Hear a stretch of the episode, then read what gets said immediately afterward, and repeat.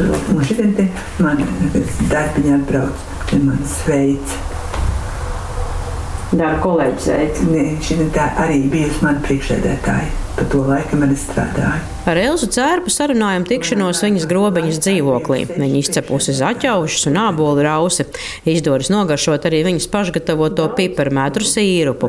Tā uzzinu, ka kulinārija un sēņošana ir viena no Elzas Cērpas nodarbēm, kad laiks vairs nav jāvelta feldšers darbam, bet notiek tāda ikdienas būšana pensionāra statusā.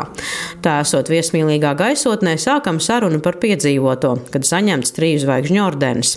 Gan Elza pati, gan visa ģimene lepojas ar iegūto augsto apbalvojumu. Pat vakar bija atbraukuši maz mazdēliņš, un arī tam es parādīju. Ko jūs stāstījāt mazdēliņam? Ko viņš prasa? Kas tas ir? Viņš vēl tik maziņš, ka viņš nesaprata to, kas tas ir. Tāds. Viņš gribētu paspēlēties. Nu, tie, kas vecāki, ļoti arī lepojās. Bet man arī visa ģimene un dēls un mazdēli ir palīdzējuši manā darbā, lai es tur nostrādātu šos 50 gadus vienā darbvietā. Šī ir mana darba vietas māja un šeit ir mani logi. Ilza Cērpa rāda fotogrāfijas no savas darba vietas. Viņa trīs zvaigžņu ordeni saņēma par savu nostrādāto laiku Nīcas novada Otāņu Felčera punktā. Viņa atceras dienu, kad saņēma augsto apbalvojumu. Tā bija rudens diena, 18. novembris. Braucām uz Rīgu un saņēmām pie prezidenta Vējuņkunga, un man pavadīja tā laika man priekšsēdētāja Anna Veidele. Un brauciens bija ļoti, ļoti skaists.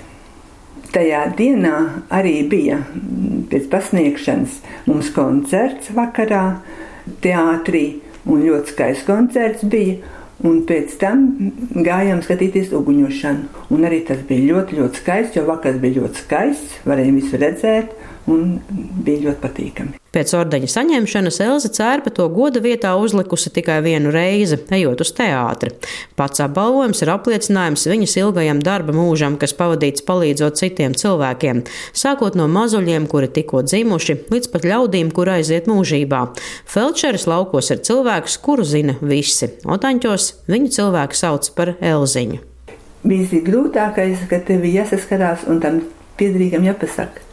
Šeit mēs neko nevaram darīt atļausim mammītei aiziet. Un, ja to prot pateikt zināmā laikā, tad arī šie piedarīgie to visu saprot un zina. Bija viens gadījums, kad tā jauna sieviete man ir bail, bet tu nevari atnākt Elziņa pie manis, tā mammieties prom.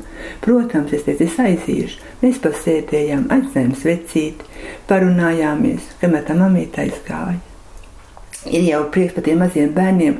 Nu, nu, tiešām, ka viņi dzimst un tās ģimenītes ir laimīgas un viss. Un, nu, tie gadījumi jau bijuši dažādi.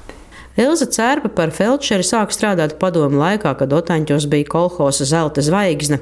Tad darba vietas iedalīja piedzīvotu laiku, kad pie cilvēkiem braukts pat zirga pajūgā, un to nevar salīdzināt ar mūsdienu iespējām. Un pirmais gājiens man bija pie galvenā ārsta, tas bija dr. Blūms. Un tas ieteica man trīs vai četras vietiņas. Un es, man jau bija ģimene, un mēs nolēmām iet uz otāņķiem. Nu, darba vieta bija ar krāšņāku kuri, ūdens laukā, telpas kurināmas, augsts, dzīvoklīts augsts, bet tajā laikā jau tā visi sāka kaut kā ar grūtībām. Pēc neatkarības atjaunošanas nācies pielāgoties jaunajiem darba apstākļiem. Kad sākās ģimenes ārstu lieta, Manā felšera punktā tiem cilvēkiem bija 17 vai 14 ģimenes ārsti, ar kuriem man bija jāsazinās katru dienu. Jo tikai caur ģimenes ārstiem varēja kaut ko darīt, aizsūtīt vai kas. Bet tie cilvēki jau dzīvoja otāņķos. Viņi saslima otāņķos. Viņi nevarēja tikt pie savu ģimenes ārsta. Vai uz liepai, vai grobiņu, vai kur. Tas starpnieks bija es kas visu to darīja. Un, ja es atceros, ja es savus 50 darba gadus varu par nolikt par desmit gadiem piecās daļās, tad tur ir noticis viss kaut kas, viss kaut kas. Elza Cērpa spriež, ka mūsdienu Latvijā notiek attīstība un nav jāpiedzīvo laiki, kad brīnums bija televizors vai leduskapis. Viņas lepnums ir divi dēli, pieci mazdēli un divi mazmazdēliņi. Ir laiks arī saviem hobijiem, lasīšanai, dažādām nodarbēm gan mājās, gan kopā ar draudzenēm. Elzai Cērpai patīk minēt krustvārdu mīklas un asināt loģisko domāšanu ar spēli Sudoku. Ingozola Latvijas radio kurzemē.